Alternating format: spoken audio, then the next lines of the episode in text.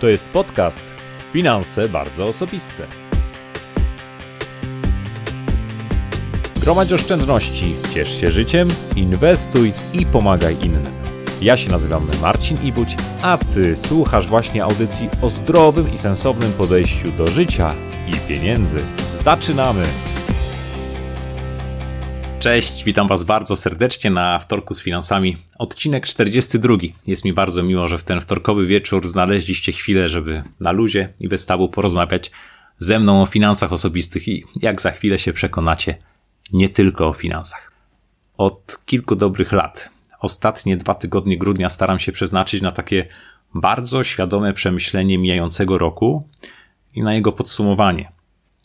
Nie robię tego jednak dlatego, że jestem sentymentalny, czy dlatego, że lubię spoglądać w przeszłość albo żyć wspomnieniami. Nic z tych rzeczy. Robię to ze względów czysto praktycznych, po to, żeby skutecznie i mądrzej działać w przyszłości. No i doświadczenia mijającego roku oraz płynące z nich lekcje są tutaj bardzo, bardzo pomocne.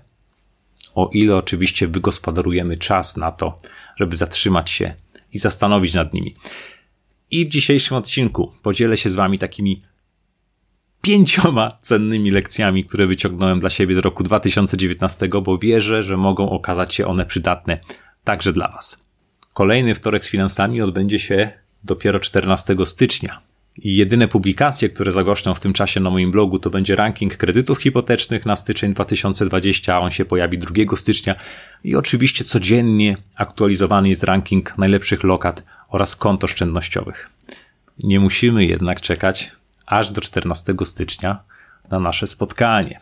Chciałbym przypomnieć i bardzo serdecznie zaprosić Was na spotkanie w wymiarze fizycznym, w czasie którego będziemy mogli porozmawiać sobie twarzą w twarz, uścisnąć dłonie, zobaczyć, kto jest wyższy i po prostu sobie porozmawiać. A okazja ta nadarzy się już 11 stycznia w sobotę o godzinie 14.30 na Stadionie Narodowym w Warszawie w ramach Forum Finansów i Inwestycji organizowanego przez Stowarzyszenie Inwestorów Indywidualnych odbędzie się tam taki panel dyskusyjny z moim udziałem, a po jego zakończeniu zostanę dłużej, żeby z każdym z Was osobiście się przywitać i chociaż przez chwilę porozmawiać. Już teraz bardzo się cieszę na to nasze spotkanie i mam wielką nadzieję, że będziemy mogli wreszcie zobaczyć się w realu. Ponieważ ze względów logistycznych liczba miejsc na to wydarzenie jest ograniczona, to jeśli planujecie pojawić się na tym spotkaniu, to koniecznie zarejestrujcie się za darmo na stronie forumfinansów.pl. No i w ogóle zachęcam Was, żebyście obejrzeli sobie też cały program tego wydarzenia, bo wygląda ono bardzo ciekawie. Spotkanie ze mną ma miejsce w sobotę 11 stycznia o 14.30, ale Forum Finansów Inwestycji na Stadionie Narodowym rusza już w piątek 10 stycznia od godziny 11.30. I będą to dwa ciekawe dni naszpikowane wartościową tematyką finansową, prelekcjami, no i panelami z udziałem wielu specjalistów.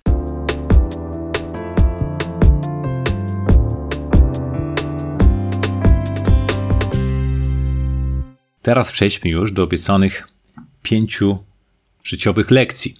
Lekcji, które wyniosłem dla siebie z mijającego roku, a którymi dzielę się z Wami, bo wierzę, że również dla Was okażą się one przydatne i cenne.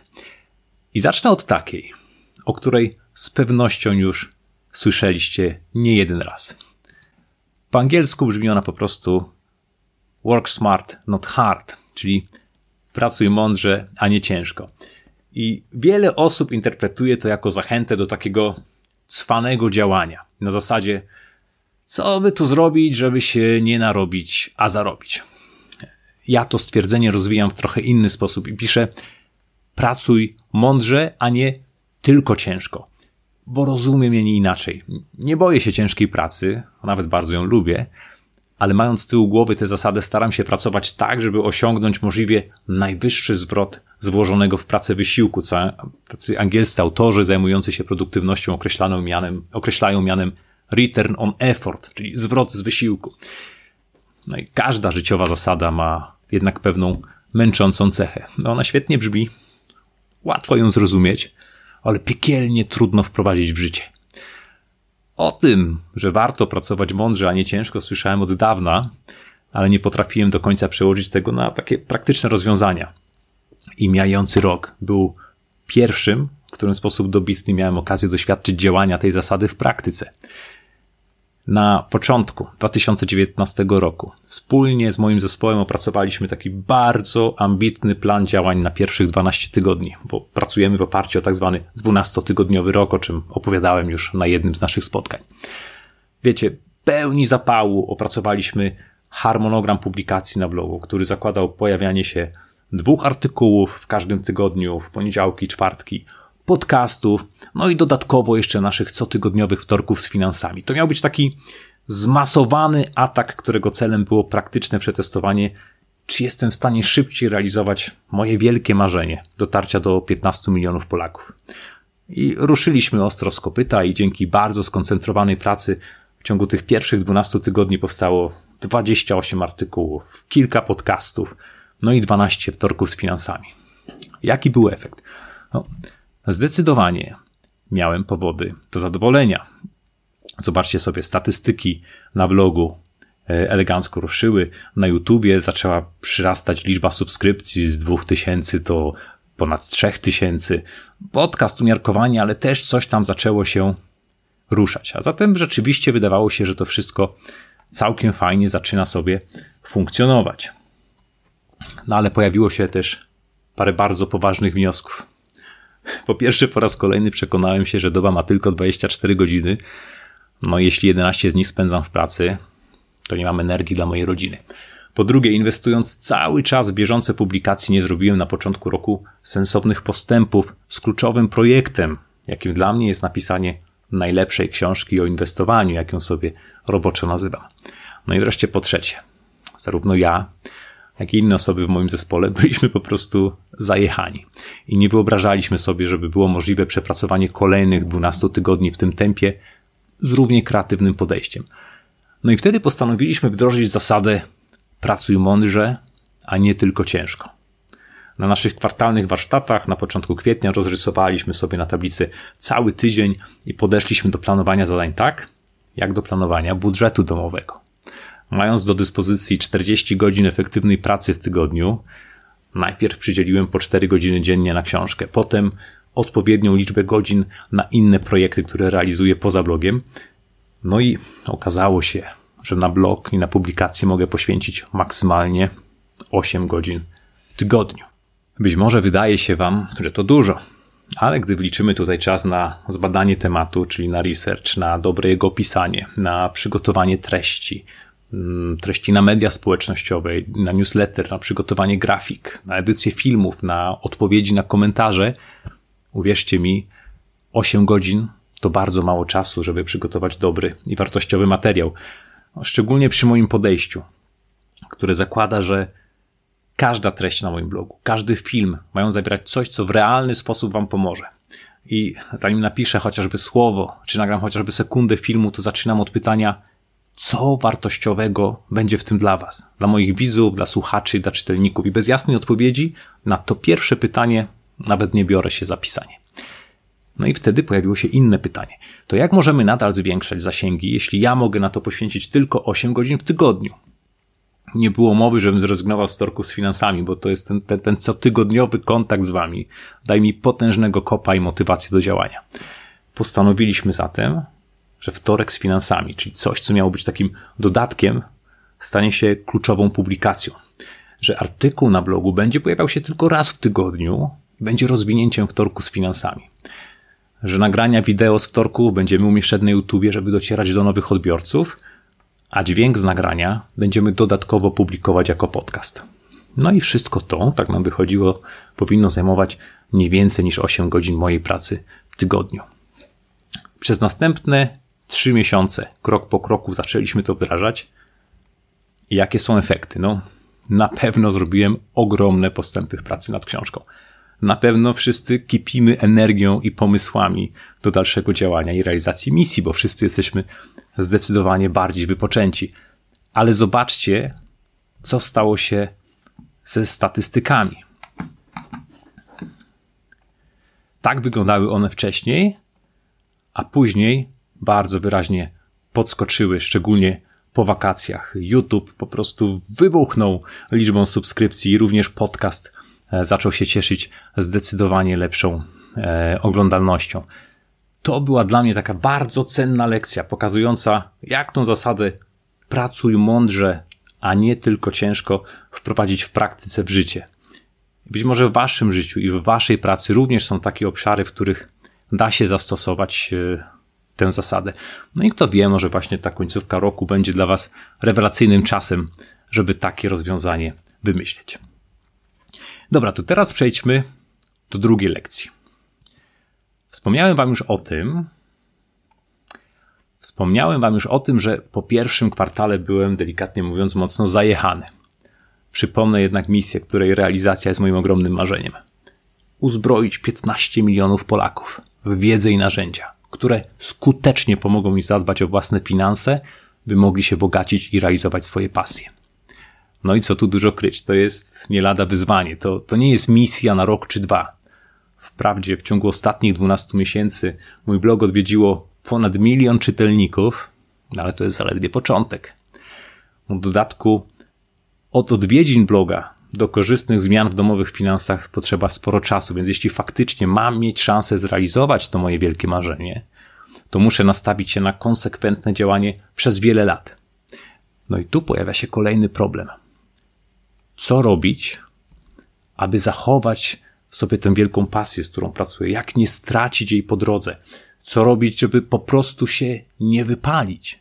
Jak utrzymać wysoki poziom energii nie przez kilka miesięcy, bo na przykład kończę jakiś projekt, ale z możliwie najwyższym zaangażowaniem pracować przez wiele lat?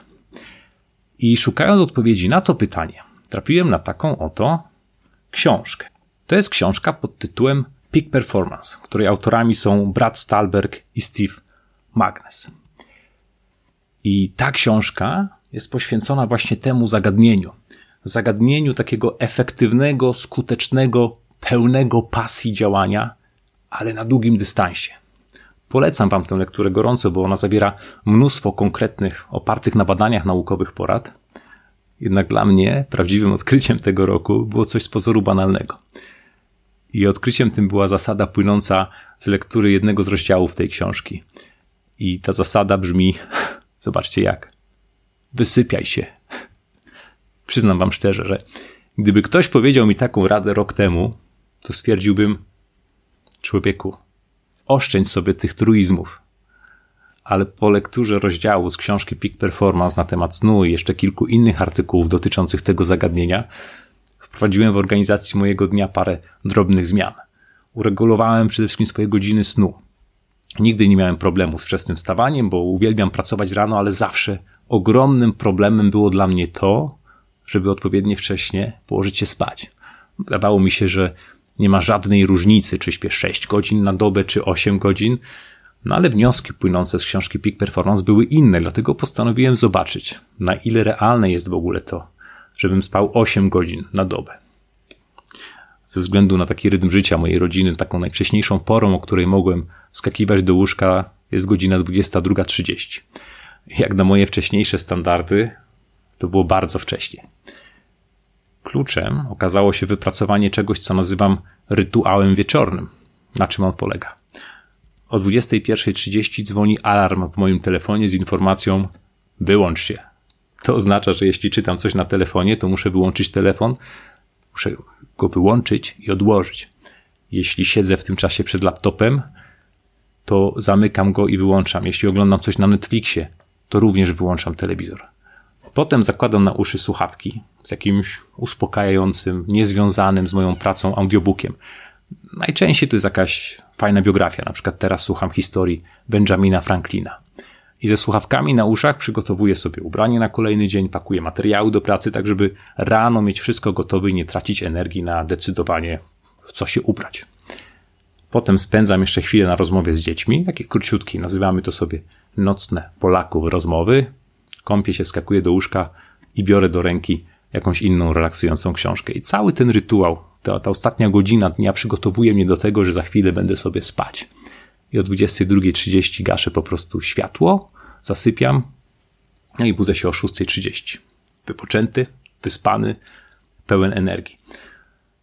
Odkryłem, że dobry dzień zaczyna się już poprzedniego dnia wieczorem, Taki prosty nawyk, jakim jest solidne wysypianie się, sprawił, że jestem o wiele bardziej skoncentrowany, że mam jeszcze lepszy nastrój przez cały dzień, że wszystkie problemy wydają się prostsze do rozwiązania. Podejmuję też odważniejsze decyzje biznesowe. Mam lepsze pomysły, na treningach lepiej mi się ćwiczy, mam więcej siły i w ogóle po takim solidnym wyspaniu się mam wrażenie, że działam jak po zażyciu jakiegoś super energetyka. I gdy o tym pomyślę, to jest mi wręcz głupio, że musiałem przeżyć 42 lata, żeby przekonać się, jak bardzo poprawia się jakość życia, gdy po prostu się wyśpimy. Jeżeli więc ktoś z Was zarywa noce, ma wrażenie, że goni w piętkę, z dużym prawdopodobieństwem rozwiązaniem wielu problemów może okazać się zwykłe, solidne wyspanie się. Także bardzo serdecznie polecam odkrycie roku 2019 pod tytułem Wyśpij się. Kolejne dwie lekcje tego roku pochodzą z książki Principles Rea Dalio. W każdym miesiącu czytam przeciętnie dwie nowe książki, jednak od czasu do czasu trafiam na taką, do której wracam z ogromną regularnością. I właśnie taką pozycją jest zdecydowanie Principles Rea Dalio. To dzięki niej uświadomiłem sobie zasadę, która brzmi tak. Nieważne, czy to ja mam rację, ważne, jaka jest prawda. Już tłumaczę Wam o co chodzi. Każdy z nas nosi w głowie głęboko zakorzenione poglądy na niemal każdy temat. Od polityki, przez wychowanie dzieci i religię, aż po zasady postępowania z pieniędzmi. I zwykle bardzo mocno utożsamiamy się z tymi poglądami, więc gdy spotykamy kogoś, kto ma odmienne poglądy, no to mamy w zwyczaju nie słuchać takiej osoby, a czasem wręcz atakować w różnych dyskusjach. I im mocniej zakorzeniony jest nasz pogląd, tym ostrzejsza ta nasza reakcja. I wszystko byłoby dobrze, gdyby nieważny fakt. To nie zawsze my jesteśmy tą stroną, której poglądy znajdują potwierdzenie w rzeczywistości. Wiele naszych przekonań jest słusznych i opartych na twardych dowodach naukowych, jak choćby fakt, że Ziemia ma kształt zbliżony do kuli, chociaż na Netflixie znajdziecie też film o płaskoziemcach. Ale wiele innych naszych poglądów to nie żadne fakty, to po prostu wchłonięte przez nas opinie, przekazane nam przez rodziców, dziadków, przez inne osoby, które na różnych etapach życia były dla nas autorytetami. Jeśli rodzice, e, przyjaciele, znajomi będą powtarzać komuś na przykład przez lata, że w Polsce nie da się godnie zarabiać, to ta osoba może żyć w głębokim przekonaniu, że tak faktycznie jest. A gdy usłyszy kogoś, kto ma inne poglądy, kto mówi: Słuchaj, jeśli zaczniesz działać z głową, to możesz zarabiać dobrze w Polsce. No to taka osoba puknie się w czoło i będzie mówić o płacy minimalnej, o medianie zarobków, ba. W oparciu o takie przekonania wyjedzie z Polski, zamieszka za granicą i potem często okaże się, że tam również jest jej ciężko, bo problem nie tkwił w miejscu zamieszkania, tylko w sposobie działania tej osoby. Czy w Polsce da się dobrze zarabiać? W 2018 roku ponad 863 tysiące osób płacących PIT wpadło w drugi próg, próg podatkowy. A to, po uwzględnieniu sposobu liczenia podatków, kwoty wolnej od podatku, oznacza, że osoby te zarabiały co najmniej 9100 zł brutto miesięcznie. Co najmniej tyle, bo ogromna liczba zarabiała więcej. Gdyby wszystkie te osoby wprowadziły się do jednego miasta, byłoby to drugie największe miasto w Polsce, zaraz po Warszawie. I jeżeli 863 tysiące osób w Polsce jest w stanie coś osiągać, to mówienie, że się nie da, jest bez sensu. Dlaczego tobie miałoby się nie udać? No i tak jest z wieloma naszymi przekonaniami na każdy temat. I w tym roku zrozumiałem, że zamiast upierać się przy swoim w różnych dyskusjach, zamiast dążyć do wykazania swojej racji za wszelką cenę, moim dążeniem powinno być coś innego. Powinno być dążenie do odpowiedzi na pytanie, a jaka jest prawda? I takie podejście jest szczególnie ważne i pomocne w inwestowaniu, no ale to temat na zupełnie inną dyskusję. Czwarta lekcja, również z książki Reya Dalio, e, ona jest powiązana z poprzednią, brzmi tak. Nie każdy głos w dyskusji waży tyle samo. No i zilustruję to przykładem z mojej ukochanej dziedziny, jaką są inwestycje. E, chłonę niczym gąbka materiały opracowane przez inwestorów takich jak Warren Buffett, jak Charlie Munger, Munger jak Ray Dalio, jak David Svensson, jak Howard Marks. Każdy z nich odnosi sukcesy na rynkach kapitałowych od wielu dekad, pokazując świetne, długoterminowe wyniki inwestycyjne. W szczególności każdy z nich przeżył i przetrwał przynajmniej kilka kryzysów finansowych i gospodarczych. No i wczytując się w ich słowa, widzę wiele wspólnych opinii na temat inwestowania, jak choćby to, że timing rynkowy, czyli próby przewidywania, w którym kierunku podążą giełdy czy inne rynki, to gra o bardzo niskim prawdopodobieństwie sukcesu. A z drugiej strony dzwoni do mnie młody makler, oferując dostęp do rynku Forex i z przekonaniem, godnym większej sprawy mówi, że korzystając z rekomendacji i analiz jego firmy będę mógł skutecznie zarabiać na trendach rynkowych albo otrzymuję propozycję współpracy, propozycję współpracy z firmą, która oferuje mi wysyłanie sprawdzonych sygnałów, kiedy należy kupić, a kiedy sprzedać akcje. Teoretycznie wszyscy są profesjonalistami z tych osób, no ale czyja opinia ma większe znaczenie? E, żyjemy w ustroju demokratycznym, który choć niedoskonały, to jest najlepszy ze wszystkich, jakie ludzkość na przestrzeni wieków testowała w praktyce i w zakresie polityki, w wyborach do parlamentu czy w prezydenckich głos wybitnego specjalisty waży tyle samo, co głos osiemnastolatka marzącego o nowej deskorolce i generalnie przeważa głos większości. Nie oznacza to jednak, że powinniśmy trzymać się demokracji także w zakresie inwestowania, czy w zakresie postępowania z naszymi pieniędzmi. Tutaj zdecydowanie warto trzymać się merytokracji, w której głos kogoś, kto ma doświadczenie i sukcesy w danej dziedzinie, powinien ważyć zdecydowanie więcej niż głos przypadkowej osoby. A zatem, gdy przysłuchujesz się różnym dyskusjom, gdy starasz się wyrobić sobie opinię na dany temat, kieruj się zasadami merytokracji. Nie każdy głos w dyskusji waży tyle samo. I wreszcie ostatnia króciutka lekcja, którą zaczerpnąłem od wspomnianego już dzisiaj Charlie'ego Mungera. Pokażę wam coś. Otrzymałem od żony w prezencie na imieniny takie oto przepiękne albumowe wydanie Poor Charlie's Almanach, czyli almanachu biednego Charliego. To jest takie wydanie zawierające e, biografię, filozofię inwestycyjną i przemyślenia biednego Charliego. No ten Charlie zdecydowanie nie jest biedny. E, to jest akurat Charlie Munger. On jest wspólnikiem i partnerem biznesowym Warrena Buffetta. Jego majątek jest wyceniany na około 1,5 miliarda dolarów, jeśli dobrze pamiętam. Dla mnie czytanie przemyśleń tego człowieka to jest prawdziwa uczta. A to, co zapisałem sobie jako cenną lekcję z tego roku, zaczerpniętą od Charlie'ego Mungera, brzmi bardzo prosto. Brzmi po prostu tak. Każdego dnia zasypiaj choć trochę mądrzejszy, niż obudziłeś się rano. Nic dodać, nic ująć, prawda? Mam wielką nadzieję, że, że mój blog, że moje filmy na YouTubie, że moje podcasty, że nasze wtorki z finansami, że to są materiały, które choć w niewielkim stopniu sprawiają, że po zapoznaniu się z nimi również Wam zdarza się zasypiać z poczuciem, że w tym dniu dowiedzieliście się czegoś przydatnego, czegoś wartościowego, czegoś pomocnego. Jeżeli tak jest, to dajcie znać w komentarzach. No a ja tymczasem przejdę już wreszcie do Waszych pytań, bo przecież macie tu ze mną konkretne sprawy do załatwienia. To tyle, jeżeli chodzi o tych pięć lekcji. Jestem bardzo ciekawy, co też tam na mnie czeka w pytaniach.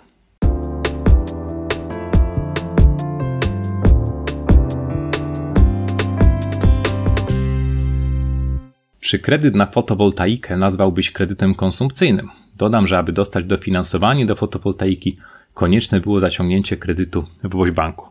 Nie domyślam się, że zaciągasz ten kredyt po to, żeby obniżyć swoje rachunki za prąd że policzyłaś po jakim czasie taka inwestycja się zwróci, więc to nie jest kredyt na konsumpcję. Moim zdaniem spokojnie można to potraktować jako przemyślaną decyzję i kredyt inwestycyjny, a takie kredyty jak najbardziej mają e, sens. Daria, Daria pisze, że pierwsza lekcja zgodna z moją. W tym roku chyba pierwszy raz w życiu nie łapałam wszystkich srok za ogon, tylko musiałam ustalić priorytety i wyciąć mniej ważne aktywności. I było warto. Dwa wielkie cele zrealizowane. No dobra, jeden w trzech czwartych, ale postęp ogromny. No i super. I o to właśnie chodzi, że kiedy mamy tę chwilę, żeby się zastanowić, że kiedy sobie wydestylujemy z tych wszystkich naszych zajęć, których zawsze będzie więcej niż naszego czasu, ale znajdziemy do tego, co jest naprawdę ważne, Zobaczcie, jaka jest ogromna różnica, gdy uda nam się zrobić jedną czy dwie najważniejsze rzeczy, te, które mają największy wpływ na naszą przyszłość, w porównaniu z tym, jakbyśmy zrobili nawet 10 innych, ale zdecydowanie mniej ważnych, więc takie świadome planowanie jest bardzo ważne i no między innymi dlatego ostatnie dwa tygodnie tego roku to będzie dla mnie czas skupienia, spokoju i zastanawiania się nad tym, jak w świetny sposób przeżyć również kolejny rok. Kolejne pytanie mam od Wojtka. Wojtek pisze tak. Cześć, mam 25 lat i wraz z żoną odłożyliśmy już pieniądze na poduszkę finansową. 25 lat, poducha finansowa. Brawo Wojtek, bardzo serdecznie gratuluję, podziwiam i o to chodzi. Rozważamy teraz wzięcie kredytu hipotecznego i zastanawiamy się, czy już teraz brać kredyt w myśl zasady 30-20-20 i kupić trzypokojowe mieszkanie, czy lepiej się z tym wstrzymać i za parę lat kupić dom. Obecnie mamy odłożone 20% wkładu własnego na mieszkanie trzypokojowe. To jest tak naprawdę nie tyle decyzja finansowa, bo jeżeli będziecie się trzymać zasady 30, 20, 20, to zaciągnięcie kredyt na rozsądnych warunkach, wszystko jedno, czy na mieszkanie, czy na dom. To jest bardziej takie pytanie do Was życiowe. Jak w Waszych planach wygląda taki harmonogram? Kiedy chcielibyście kupić ten dom? Kiedy Waszym zdaniem warto będzie to zrobić? E, I jeżeli chodzi Wam dom po głowie, uważacie, że to będzie lepszy pomysł niż kupno mieszkania, no to może warto zdecydować się już na zakup domu, czy przygotowanie do jego zakupu. Ale jeżeli to są tylko jakieś mgliste wyobrażenia, jeżeli nie wiem, nigdy nie mieszkaliście w domu, właśnie słuchajcie, to jest ważna sprawa. Ja na przykład nigdy nie mieszkałem w domu, nie wyobrażam sobie mieszkania w domu, bo no, znam to z relacji moich przyjaciół, którzy marząc o domu, wybudowali sobie dom na przedmieściach Warszawy, codziennie jadą półtorej godziny w jedną stronę, i drugie tyle w drugą, 3 godziny dziennie, 15 godzin w tygodniu straconych. Dojeżdżają zmęczeni, a weekendy polegają głównie na naprawie rynien, dachów, y, sprzątaniu garażu, koszeniu trawy i zajmowaniu się wielkim ogrodem, czego nie, nie przewidzieli w swoich marzeniach o domu. Takie rzeczy trzeba wziąć też pod uwagę, jak to wpłynie e, na jakość naszego życia. Oczywiście mam też mnóstwo osób, które są bardzo zadowolone z faktu, że mieszkają w domu, więc ja bym popatrzył na to z tej strony. Dobra, gdzie będzie mi się najfajniej żyło, jakie jest to moje prawdziwe marzenie, a potem to teraz jak mogę to sfinansować w rozsądny sposób, tak żeby było to w sposób bezpieczny dla budżetu domowego mojej rodziny. E, lecimy dalej. E, Dawid, e, polecam książkę Dlaczego śpimy? Sztos. A właśnie, Dawid, widziałem, że ta książka jest również na liście pięciu polecanych książek przez Billa Gatesa z tego roku, więc sen wraca do łask. Już nie jest tak jak kiedyś, że można było mówić, o, jestem taki niewyspany, pracowałem całą noc. To się okazuje, że to jest nieefektywne. Piotrek pisze, kiedy możemy spodziewać się gotowej książki? Czy masz już przybliżony termin wydania? Na pewno w przyszłym roku książka trafi do Was bardzo dużo wskazuje na to, że w styczniu skończę ją pisać. Może w lutym. Co będzie wtedy? No wtedy będzie ten mój rękopis. Ja go wtedy rozsyłam do grupy takich moich recenzentów, prywatnych osób, przyjaciół, które pracują w branży, branży inwestycyjnej. One to czytają, wskazują mi, czy nie ma, czy może warto coś doprecyzować, czy czegoś tu nie zmienić. Zakładam, że potrwa to pewnie około miesiąca, a ja w tym czasie będę z grafikiem pracował nad dopracowaniem grafik, nad takimi szczegółami. No i potem zostanie jeszcze tylko kwestia wydrukowania tej książki i wysłania. Więc pewnie wiosna, późna wiosna przyszłego roku. Trudno mi powiedzieć na 100%, ale jeszcze nigdy nie było tak blisko jak teraz i już dawno nie pracowało mi się z takim skupieniem i z takim tempem nad tą książką. Już jest naprawdę z górki i blisko. Też nie mogę się doczekać. Bardzo nie mogę się doczekać, Piotrek, więc jeszcze chwila cierpliwości. Zleci tak. E, Sylwia. Ja dosłownie zasypiam mądrzejsza, bo często słucham Twojego podcastu przed snem. Bardzo dziękuję, cała przyjemność po mojej stronie. E, mam nadzieję, że nie zasypiasz dlatego, że mówię powoli w sposób usypiający. Sebastian. Jest tak zdecydowanie, żaden z torków nie był czasem straconym, skłania do przemyśleń, przede wszystkim do działań. Zawsze po wtorku czuję się mądrzejszy. Bardzo, bardzo dziękuję. Jeszcze są pytania o IKE i o poduszkę finansową. Kuba na przykład pyta, czy poduszkę finansową powinno się trzymać na zwykłych obligacjach, czy można ją trzymać na IKE obligacje? Czy nie powinno się mieszać tych dwóch pojęć? Pozdrawiam Kuba.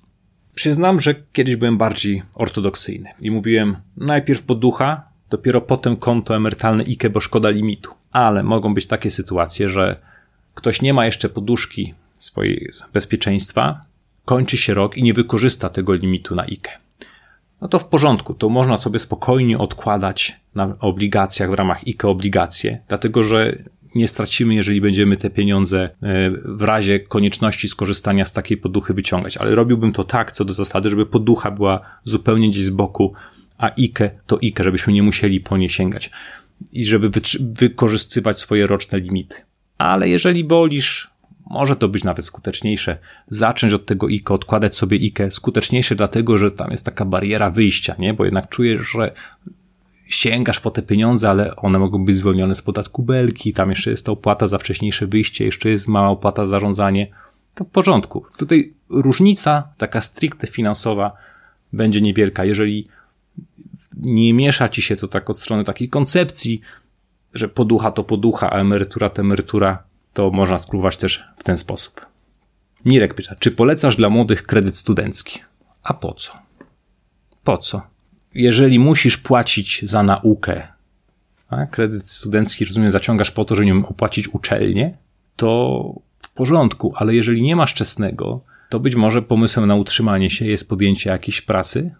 A mówię o tym dlatego, że wiele osób zadłużonych zgłasza się do mnie dlatego, że zaczęli od kredytu studenckiego, bo on był bardzo tani. Wiecie na co poszły pieniądze z kredytu studenckiego? Oni też nie wiedzą. Nie wiadomo, po prostu gdzieś się rozeszły.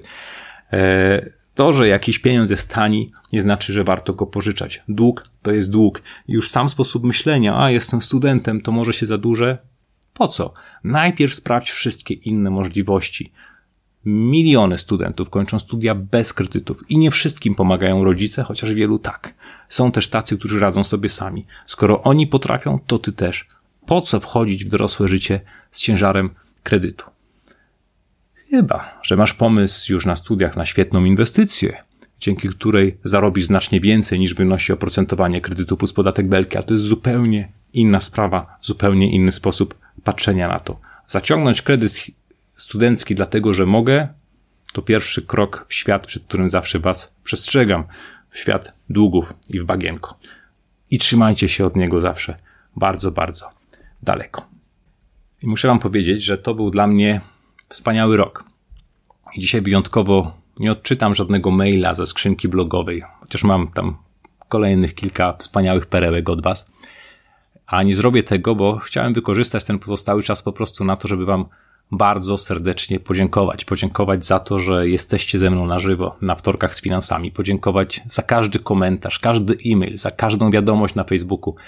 Nawet nie wiecie, jak dużo to dla mnie znaczy, że tam po drugiej stronie ekranu siedzą życzliwe mi osoby, które aktywnie biorą sprawy w swoje ręce, no i dzięki którym realizacja tej mojej szalonej misji ma szansę powodzenia.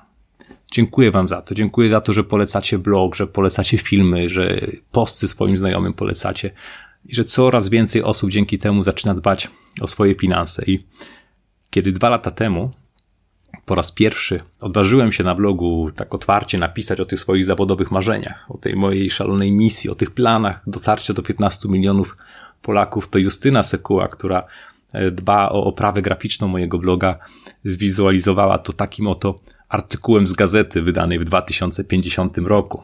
I ten artykuł miałby brzmieć tak.